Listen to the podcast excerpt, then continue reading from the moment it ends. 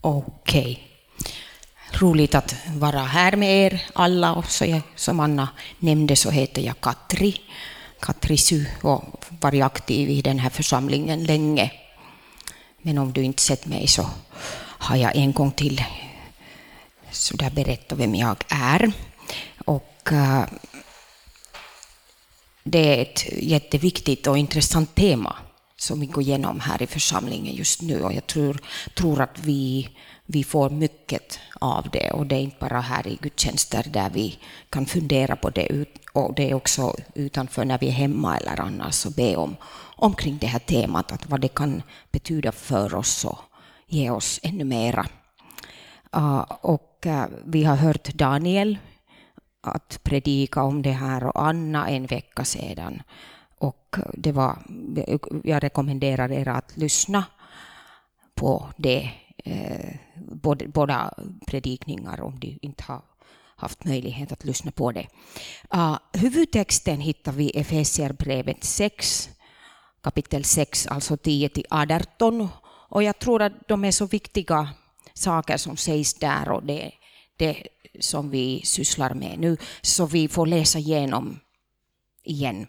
Så det kommer nära till oss, den här, vad Paulus skriver där. Han sitter eh, där i fängelse när han har skrivit Efesierbrevet. Det är en av hans fängelsebrev.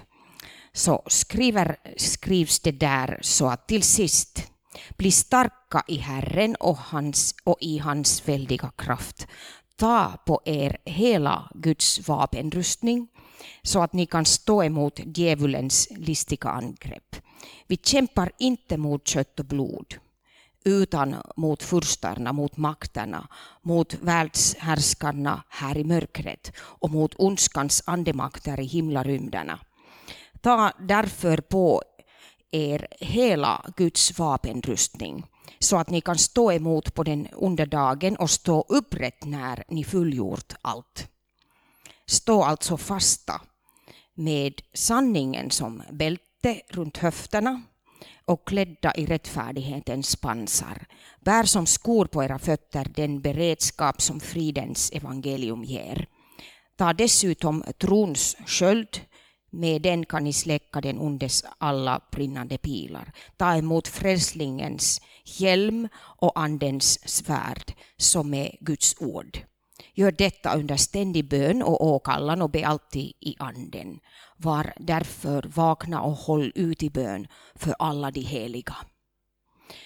Jag har märkt att därför, kanske att jag leder lovsång, så jag har, äh, brukar liksom äh, lägga in på den här utrustningen som är ju helt fullkomlig i och för sig, ännu lovsångens mantel. Så jag tycker att den är också någonting som jag automatiskt äh, sätter in i den och ibland när jag, så där, jag ber för mig själv eller för någon annan så jag nämner liksom varje del av den här utrustningen och, och lägger in den där lovsångens mantel också.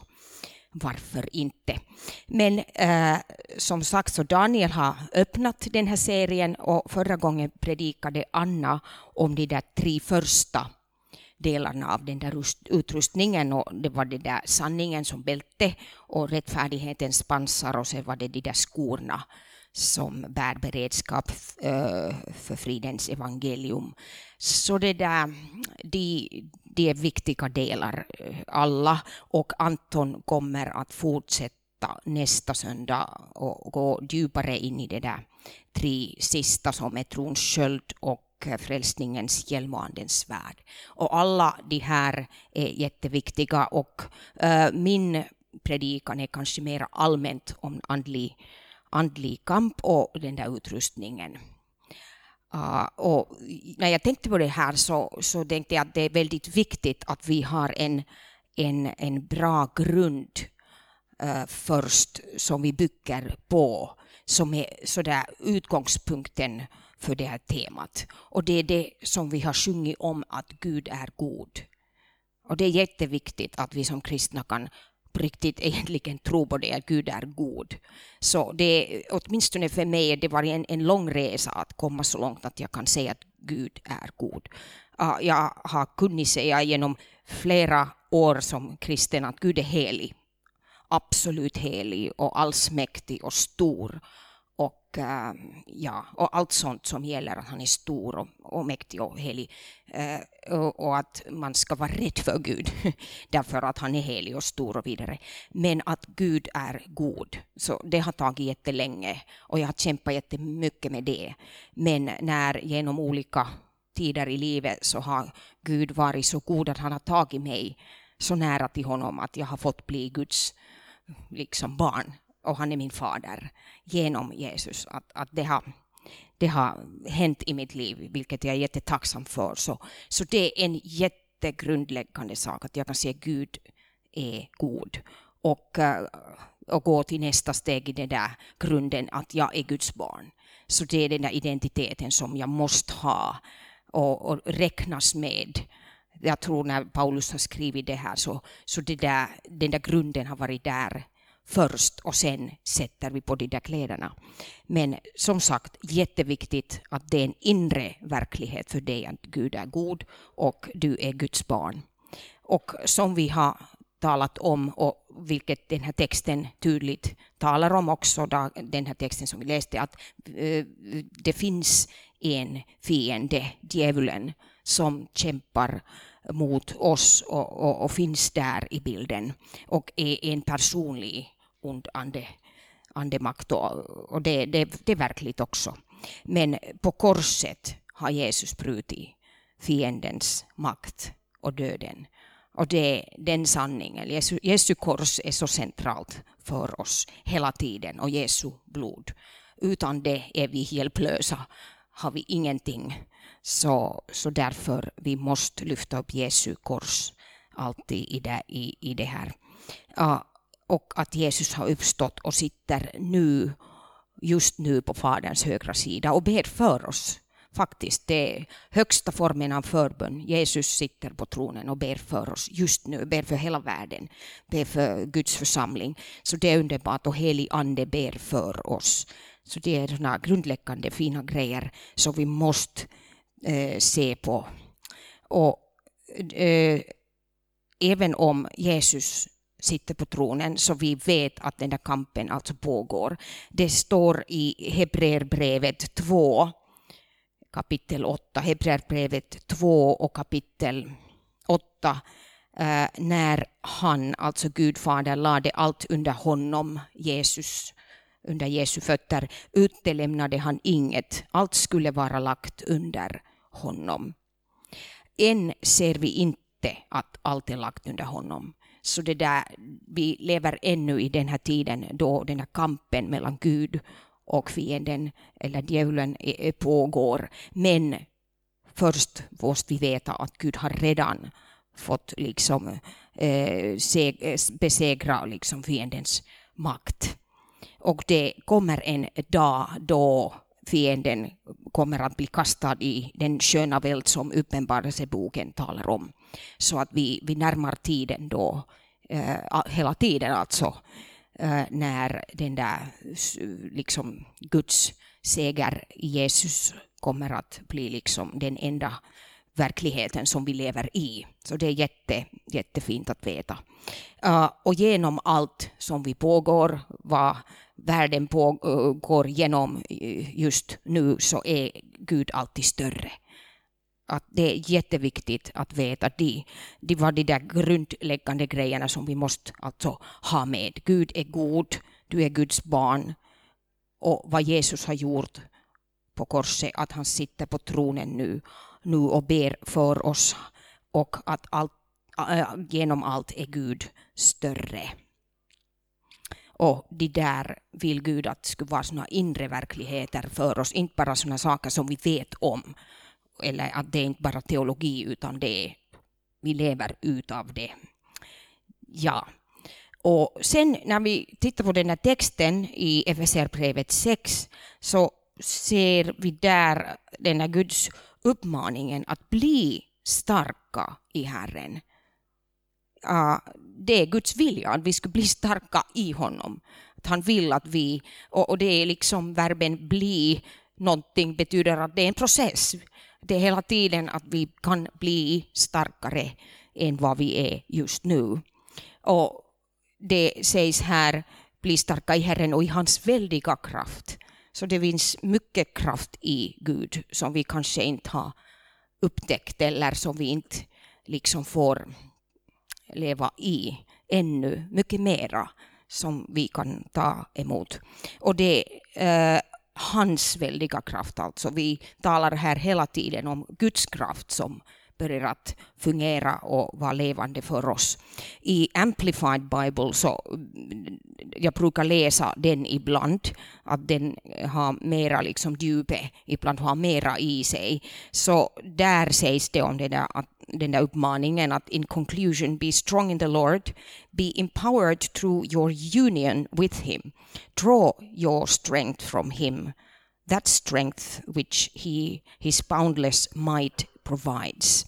Så alltså union with him, eh, den där relationen med Gud är det som leder till att vi blir utrustade. Och vi kan liksom så att säga dra ner den här kraften från honom, eller han ger den kraften ner till oss som finns i honom. Så att vi i vers 13 i Efesierbrevet 6, så att ni kan stå emot på den onda dagen och stå upprätt när ni fullgjort allt. Gud vill att vi ska stå.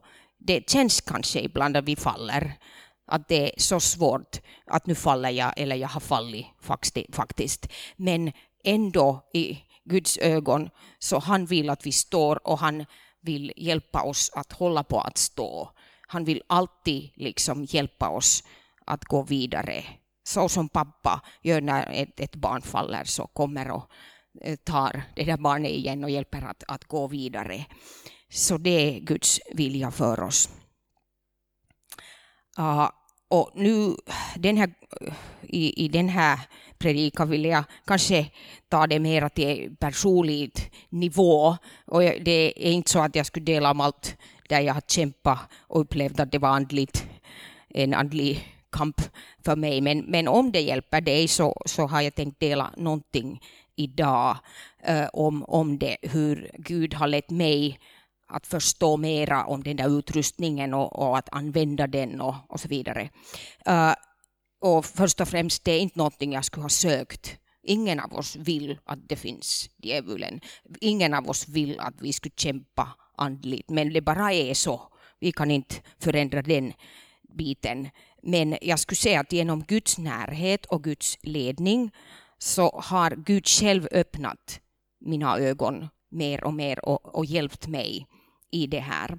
Och i, i, helt i praktiken, jag tror det har hänt mest på det sättet att jag har börjat se hur djävulen opererar, till exempel i relationer, eh, eller någon människa har sagt någonting som har varit lite, e- det har varit någonting lite extra i den bara än bara liksom ord som någon kastar någon gång, utan att det var någonting som djävulen har tagit och sen att det har stannat kvar så starkt att jag har tänkt nu är någonting extra i det här och jag är inte fri.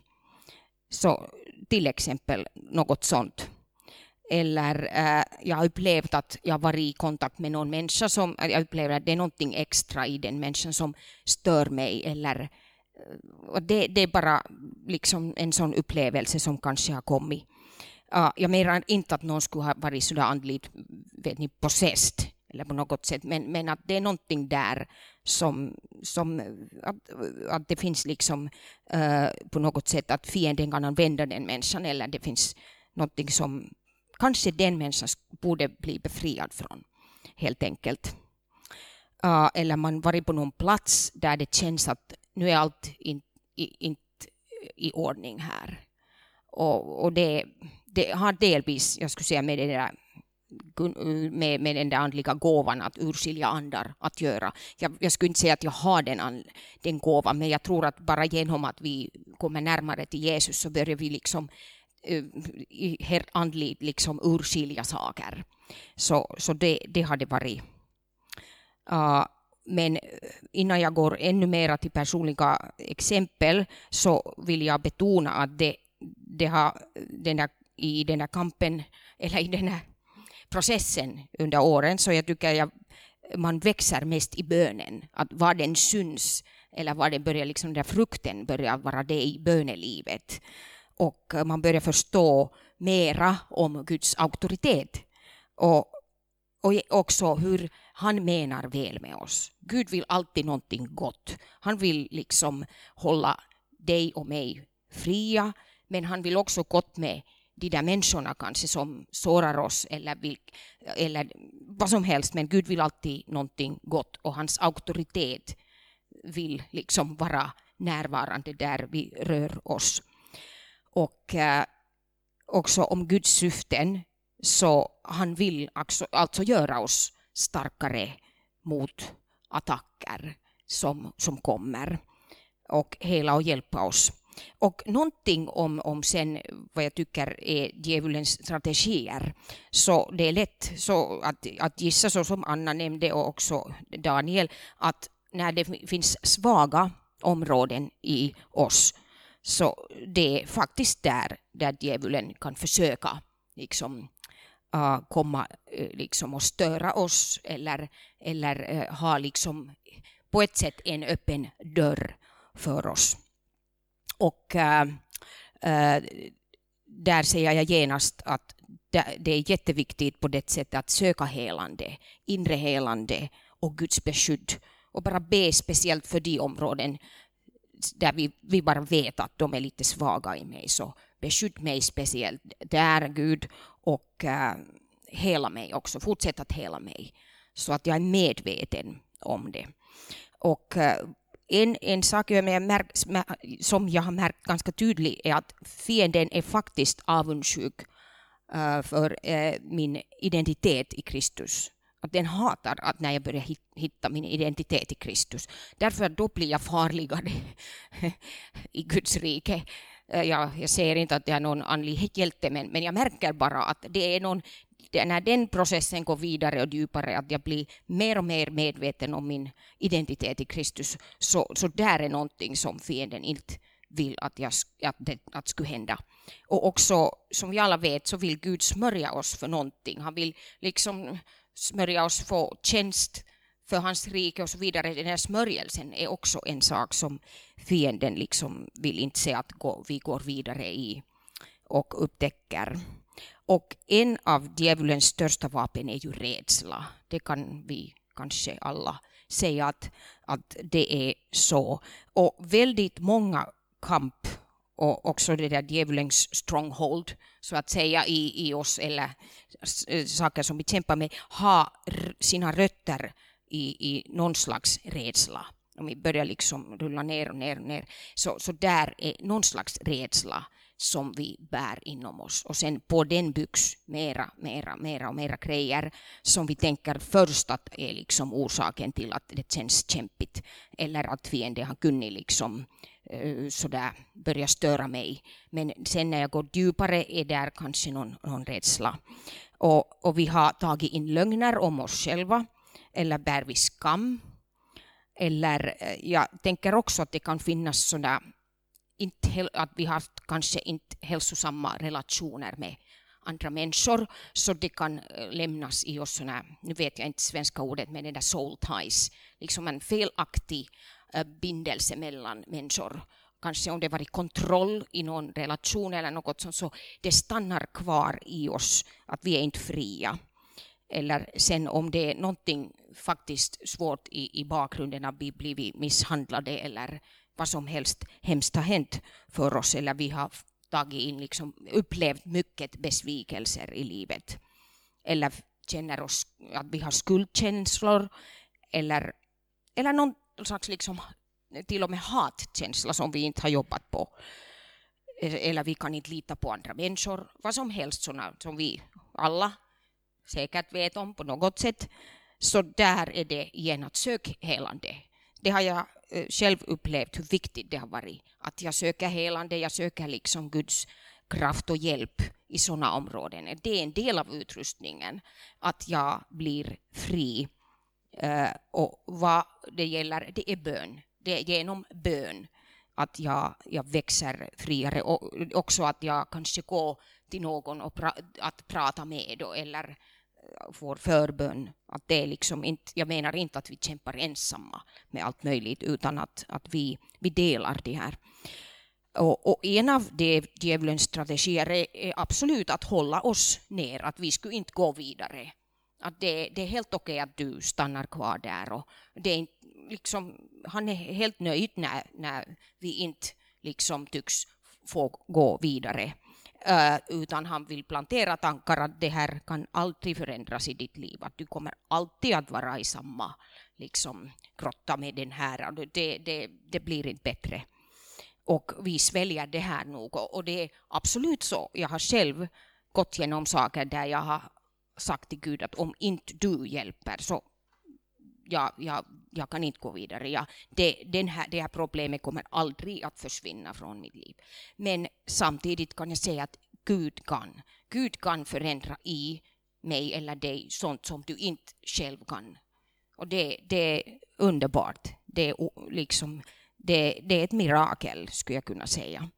Men samtidigt är, är sådana saker som uh, vi kämpar med, så de kräver ibland jättemycket uthållighet. Att det är inte att vi ger upp.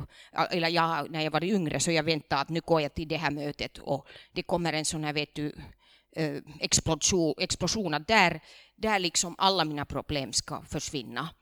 Och det kommer någon ber för mig och Jesus, nu är det, nu är det den här, efter det är jag helt fri och ingenting kommer att störa mig mer.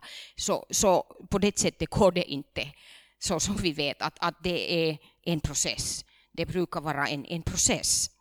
Och eh, därför krävs det mycket uthållighet och, och, och att det, det, det, tar tid.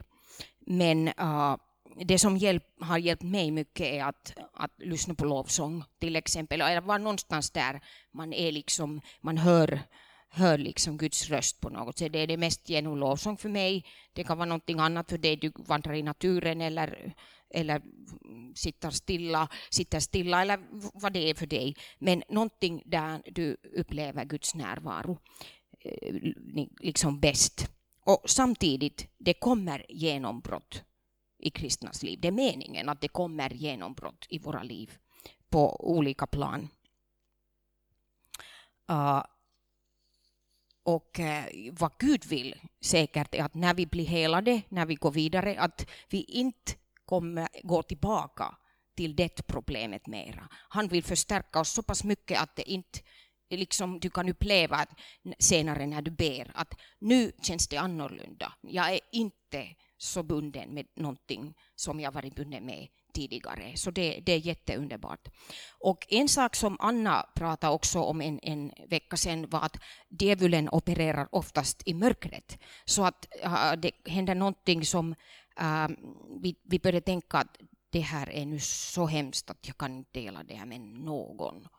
Och eh, det, de här tankarna eller vad jag upplever eller vad jag ser, och det, det är så, så det där mörkt eller omöjligt att delas med någon. Så det är ganska bra strategi, så att liksom isolera dig och sen operera i mörkret. Och det, det byggs och byggs och byggs mera. Och jag har själv upplevt, upplevt något av det där också. Det är så pass personligt att det kan jag inte dela mera om.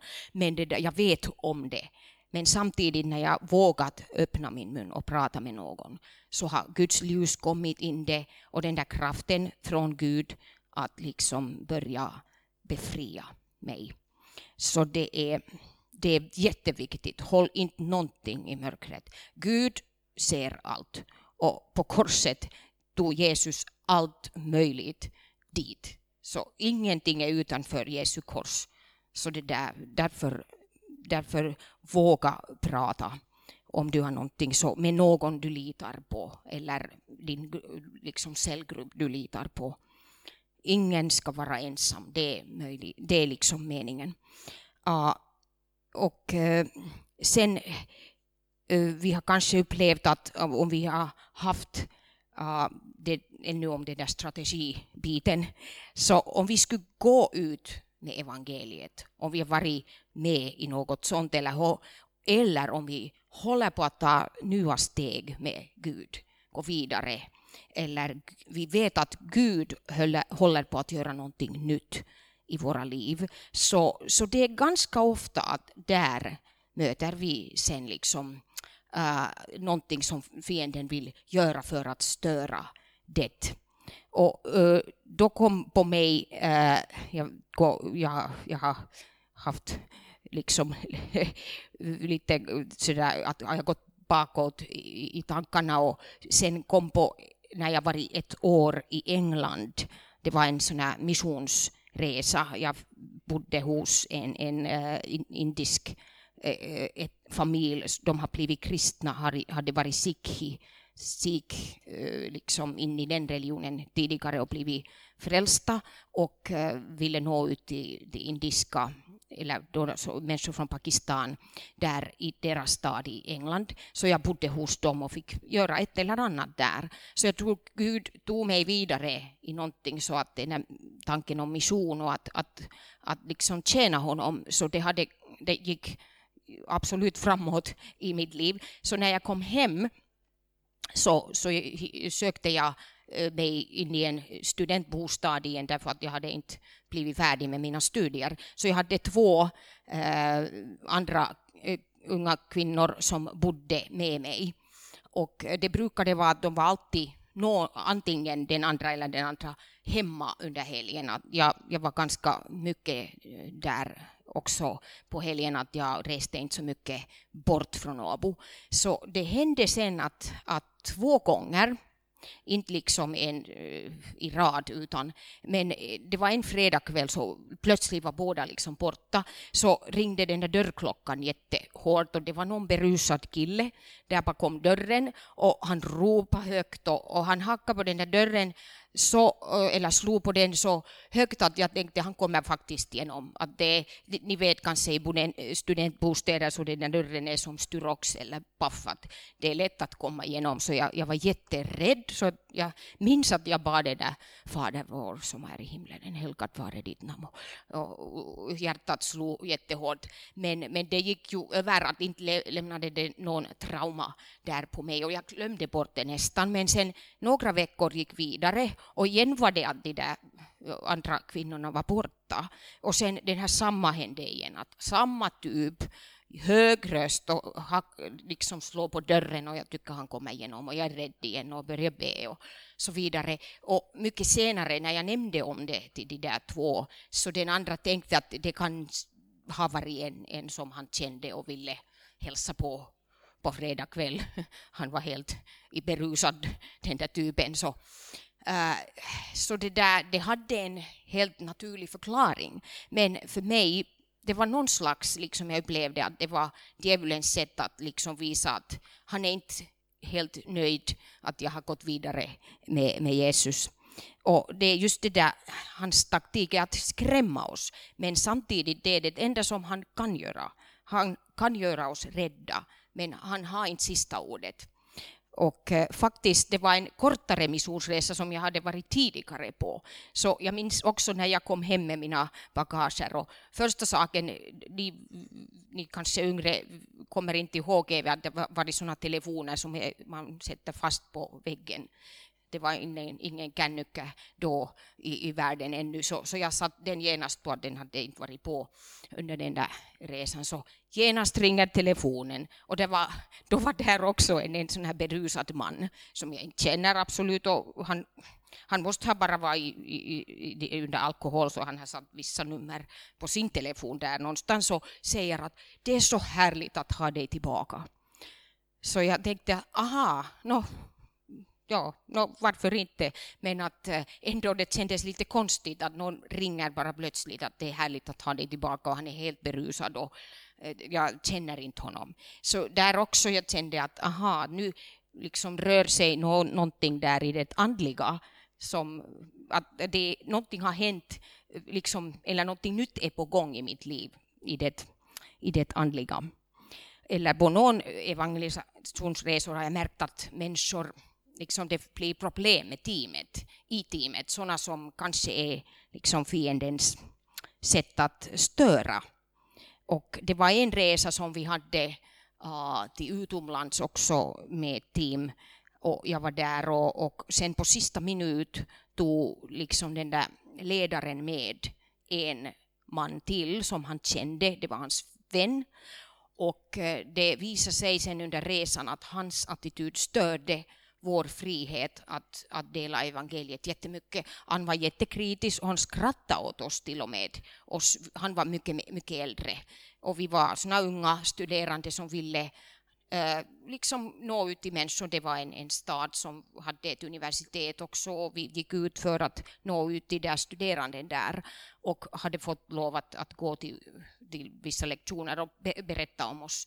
Men hans attityd var jättestörande hela tiden och eh, påverkade på vår frimodighet skulle jag säga. Och det värsta var att han liksom sa att när ni är unga så då har ni liksom iver för Gud och haha och, och sen när de, att, att när de liksom växer så, så då är det liksom, då, då ser ni att det, det var bara liksom det där att ni är unga.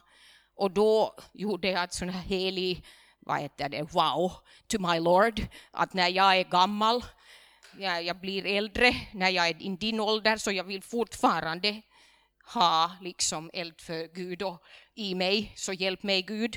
Så, så jag, jag tackar Gud att jag upplever det, det är hans gåva, att jag fortfarande är on the track, att jag vill liksom tjäna honom och jag vill liksom, jag upplever att han är stor och levande och uh, välsignar allt som uh, görs för honom i den här världen. Uh, men uh, samtidigt vill jag genast alltså lyfta upp att jag varit på sådana resor eller i vardagen också. Att, att äh, även om den där kampen finns så är ju Gud mycket större. Och det är den där liksom dominerande känslan som jag har. Att jag har fått uppleva och äh, vittna mycket om vad Gud har gjort. Och äh, hur välsignat det är att ge sig och gå ut och lära om Guds kraft och lära om att vara som ett team. Och eh, det var, mina exempel var bara att visa hur den andliga kampen också finns där och, eh, och, och kan försöka störa, störa oss.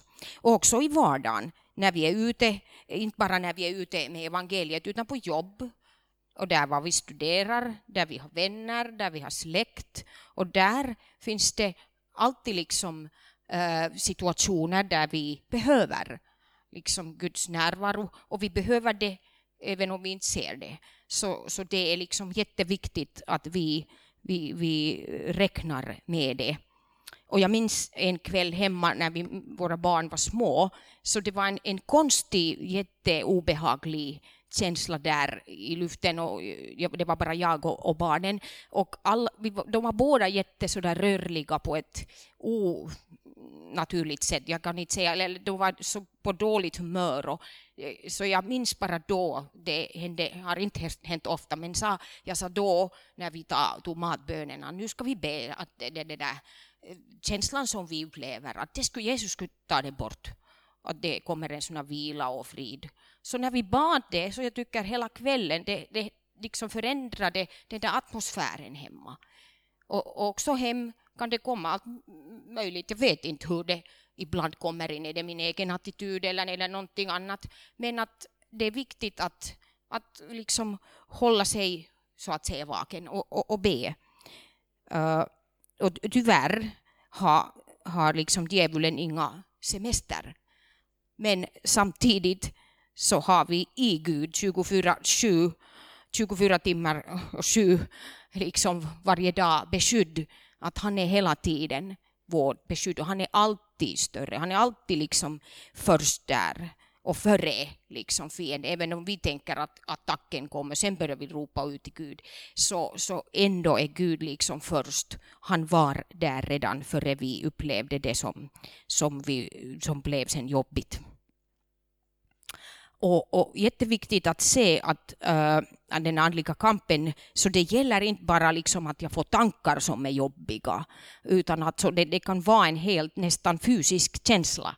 Att nu är någonting tungt här och det, det stör mig nästan helt fysiskt. Nu är, här är vi kanske helt olika, men åtminstone för mig har det varit ibland att jag känt den där tyngden, eller den där på ett sätt av den där onda kraften på något sätt i, i min kropp nästan. Att jag hade en, ett besök av en vän någon gång och flera år sedan och hon kämpade med ett eller annat. Och just då eh, höll hon på att, att gå in i en relation, alltså en ung kvinna med en annan kvinna. Så, så det, jag upplevde bara den där tyngden och, och, och, hur det liksom slog på mig, den där kraften som var blandad i det där, eh, hennes liksom kamp. Så, så jag upplever att det, det, det är liksom eh, samtidigt fienden har kraft så måste vi lyfta upp att i Gud finns det kraft. Det är mera än ord ibland. Vi behöver liksom uh, se att det, det är Guds kraft som rör sig också när vi pratar Guds ord till någonting eller när vi ber. Så det är kraft blandat i det äh, när, när Jesus också äh, liksom äh, vandra i världen här, så, så det där, då, då liksom hände ett eller annat, att hans kraft, eller Guds kraft kom genom det som, det som Jesus sa det. Och vi får läsa i eh, första Thessalonikerbrevet 1, 5 till 6, ah, där om människorna där, eller Paulus säger till dem för vårt evangelium kom till er, inte bara i ord utan också med kraft och den helige Ande och full visshet. Ni vet ju hur, hur vi levde bland er för er skull. Och ni blev våra efterföljare, ja, Herrens, när ni mitt under svåra lidanden tog emot ordet med den glädje som den helige Ande ger. Så när det liksom Guds ord hörs och eh, liksom påverkar någonstans. Så det är inte bara ord, utan det är Guds kraft samtidigt. Och det kan leda till att någon blir befriad av någonting som har bundit, man har varit bunden med, eller liksom befrielse från liksom tankar som har stört länge, eller bli helad, alltså helt fysiskt också. Att det är Guds kraft som Gud vill att det skulle liksom vara verklig bland oss också hela tiden. Och, och om den där andliga eh, kampen sen jag hittade en jättehärlig bibel, två bibelvers i psalm 144, 1 till 2 av David, psalm 144, vers 1 till 2, sägs där att lovad är Herren min klippa som övar mina armar för strid, mina händer för krig, min nåd och min borg, mitt värn och min räddare, min sköld och min tillflykt som lägger mitt folk under mig. Kung David säger så här om, om Gud. Herren är hans klippa och Herren övar hans armar för strid och händer för krig. Gud är hans nåd och borg hans värn och räddare, sköld och tillflykt. Det är underbart, jättefina grejer. Samma ord som används också i det där Efesierbrevet 6 delvis. Så Gud själv lär oss i det här. Det är jätteviktigt att tänka att det är inte jag som börjar kämpa. Om det är någonting konstigt som jag upplever eller någonting som stör mig. Det är jätteviktigt att genast gå till Gud och be om Guds ledning istället av att börja kämpa jättemycket och börja bara be eller utan att ha först ordentligt gått till, till Gud. Eller dela det med någon annan. Att det är jätteviktigt att vi lyssnar på honom. Och en av fiendens strategier är, eller åtminstone vad jag har själv upplevt, att jag skulle aldrig nå liksom, till någon slags liksom, state där jag upplever liksom, frid och vila. Att det, det alltid liksom, jag upplever att fienden skulle gärna kasta alltid någonting nytt på spelet. Att, det, att det skulle störa mig eller liksom att, att, att den där vilan skulle inte pågå åtminstone för länge. Uh, men samtidigt är det viktigt att förstå att Gud vill vila. Han vill, eller den där, först, eller den där äh, liksom positionen som vi har i Gud, vad meningen är att vi ska vila i honom och ha frid. Det är liksom vad, vad, liksom, vad, vad vi har rätt till. Och det är liksom vår arvedel, vår arvedel i Jesus, att vi skulle få vila i honom och lämna allt som stör oss och tynger oss eller vad vi bär på oss. Och jätteviktigt att vi därför att vi lyssnar på Gud så har vi en sund förståelse om andlig kamp. Att det är inte så att vi ser liksom djävulen här eller där eller det blir för andligt på ett sätt eller vi, vi liksom lägger liksom eh, det, liksom det eh, liksom på allt som händer som är inte så positivt. Att om jag är trött och jag, någonting går lite tokigt så det är nog, det var att jag var trött. Eller jag glömmer bort någonting så det är därför att jag, jag var trött. Eller, eller om någonting händer med kroppen i den här åldern, så det är därför att man blir äldre, det är inte en, en attack. Men det kan vara en attack, att det börjar att fienden liksom planterar en rädsla i mig, att vad kan hända? Om det blir värre, vad blir det då? Och då blir du kanske sjuk med den där och den där och oj då, och märk, det är egentligen någonting sånt på gång kanske i dig. Och, och just sånt, så det är liksom säkert ibland det där fiendens sätt att operera med helt sådär vanliga grejer som, som eh, är del av, av livet. Och, och, en sak som jag också har märkt i mitt liv är att fienden gärna vill anklaga mig, liksom att skylla att du, du, du har gjort säkert någonting fel. Att det är liksom eh, ofta som någonting som, som liksom börjar liksom skapas in, eh, omkring mig. Men Eh, Eh, men det, där, det är om sista saken om strategier och också antidos. Liksom det är jätteviktigt att vi håller vårt hjärta rent inför Gud. Det är varit, eller åtminstone för mig, jag upplevt att blivit en nyckel att inför Gud när jag, han får rena mig och jag håller mig ren därför att Jesu blod renar mig. Så då är all Guds kraft på min sida. Så då har fienden ingen rätt att att liksom, liksom störa mig eller skylla mig på, om någonting eller vad som helst. Därför att jag, jag har liksom done the job mellan Gud och jag. Att jag, jag vill hålla mig, mig ren. Och det är någonting som Anna också predikar om, att vi skulle leva i renhet och i sanningen. Så kommer styrkan genom det. Så det var det där som jag också ville säga om, om, om, om det där strategier och vad, vad hjälper hjälper där är att vi, vi bor så nära till Jesus så att säga. Vi, vi, ibland tänker jag, jag, jag I build my camp, liksom, jag har min tent liksom där vid Jesu kors. Så det, det är närmast jag vaknar så är jag vid korset och han är där genast. Så, så det, det, det flödar därifrån hela tiden, därför att jag behöver det. Och eh, eh till sist vill jag nämna bara lite om att det det där andliga kampen gäller ju och kommer, kommer på församlingens nivå också eh, eller också den där uppgiften som församlingen har. Så vi får läsa från Efesierbrevet 3 eh, och vers 10. Efesierbrevet 3 och vers 10. Jo, nu skulle Guds vishet i sin väldiga mångfald göras känd genom församlingen för härskarna och makterna i den himmelska världen. Alltså Guds vishet och väldig, i sin väldiga mångfald göras känd genom församlingen för härskarna och makterna i den himmelska världen. Så faktiskt är församlingen här liksom Uh, vi finns här för världen, så att människor skulle se Jesus genom oss.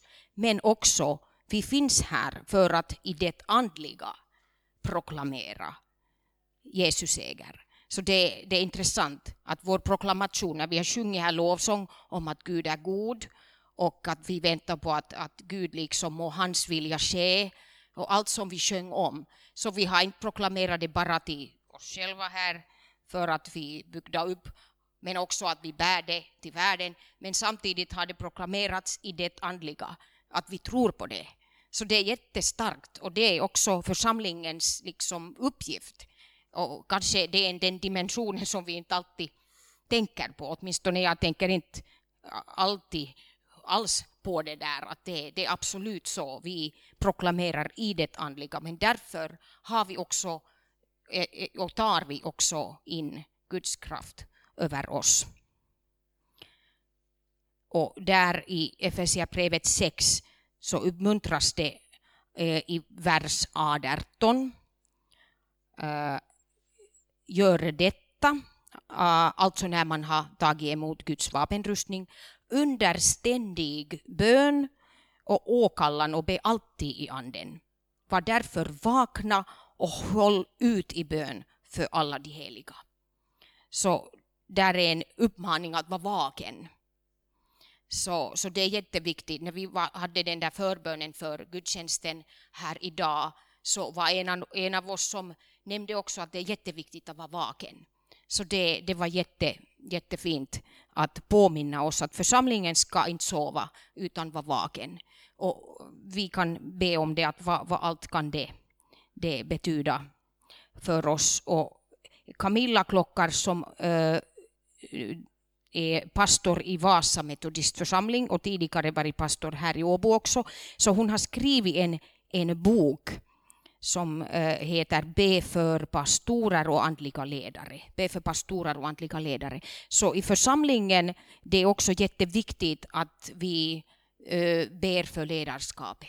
Det är jätte, jätteviktigt att vi, vi har förbön för, för, för församlingen och eh, ledarskapet i församlingen. Därför att uh, vi kan förstå att om det finns djävulen och fienden så, så han vill gärna attackera först de som leder. Och det är förståeligt. Så därför är det jätteviktigt att be för pastorer. Be, vi ber för Stefan, vi ber för alla som jobbar där, Anna och Minea, vi ber för församlingsrådet och alla som tjänar. Alla och sen hela församlingen. Att det, förbönen är jätteviktig. Och ibland, jag måste säga att därför även om jag pratar så mycket om bön och bön och bön, så jag tycker att jag har ibland tyvärr även hemma den tanken och jag bara ber. Så det är jätteofta vi tänker, jag bara ber, jag gör ingenting. Det är jätteviktigt vi hjälper andra sådär helt praktiskt, men vi ska, vi ska inte tänka att jag bara ber, därför att bön går först. Bönen är vårt vapen, så att säga. Det var också eh, när Jesus mötte djävulen så, med Guds ord, så, så i anden, så det i det andliga kommer seger. Så det, bönen gäller också att det kan komma seger i personliga liv och i församlingen, att det, det är liksom det, det där beskyddet som kommer. Men det är genom bön. Så bön, vi ska lyfta upp liksom bönen, hur viktigt det är.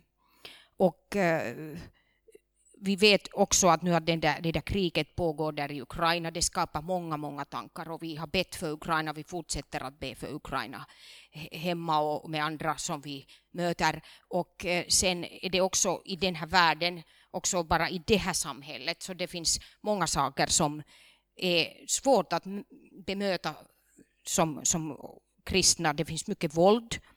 Eh, liksom ovanligt liksom hemsk våld, grejer som vi läser om eller det finns berättelser av, av sådana helt sjuka berättelser om, om våld, speciellt bland unga människor. Och, eh, och också förvirring gällande sexuell identitet. Det är en jättestor grej nu för tiden. Uh, och jag tror att det, det känns en, en, och finns en sån här allmän hat och fiendskap mot kristet tro när det gäller att respektera Bibeln som Guds ord och hålla sig till levande tro istället av att bara tala religiöst. Så det, det är, den där haten finns, finns jätte, eller den där motståndet finns i, i samhället. Och, och också vad, vad jag speciellt har på hjärtat är att unga och barn mår inte bra. Att det är hemskt hur unga människor som skulle ha liksom hela livet framför sig så upplever att jag har inget hopp och det finns ingen framtid för mig. Så det, det är ganska hemskt, säger jag. Så det, vi, bön behövs för församlingen, för, för samhället. Och Gud vet vad är på gång här i Finland också. Så han, han kan leda oss att, att be, för, be för Finland, be för de saker han, han sätter på våra hjärtan. Uh, så till sist vill jag bara påminna oss om att Gud är god. Han är på vår sida. Han vill utrusta oss därför att vi behöver det. Men han vill klä oss med sin kraft och fylla oss med den helige Andes kraft även idag. Så låt oss be och den, sen får vi fortsätta i, i lovsång. Men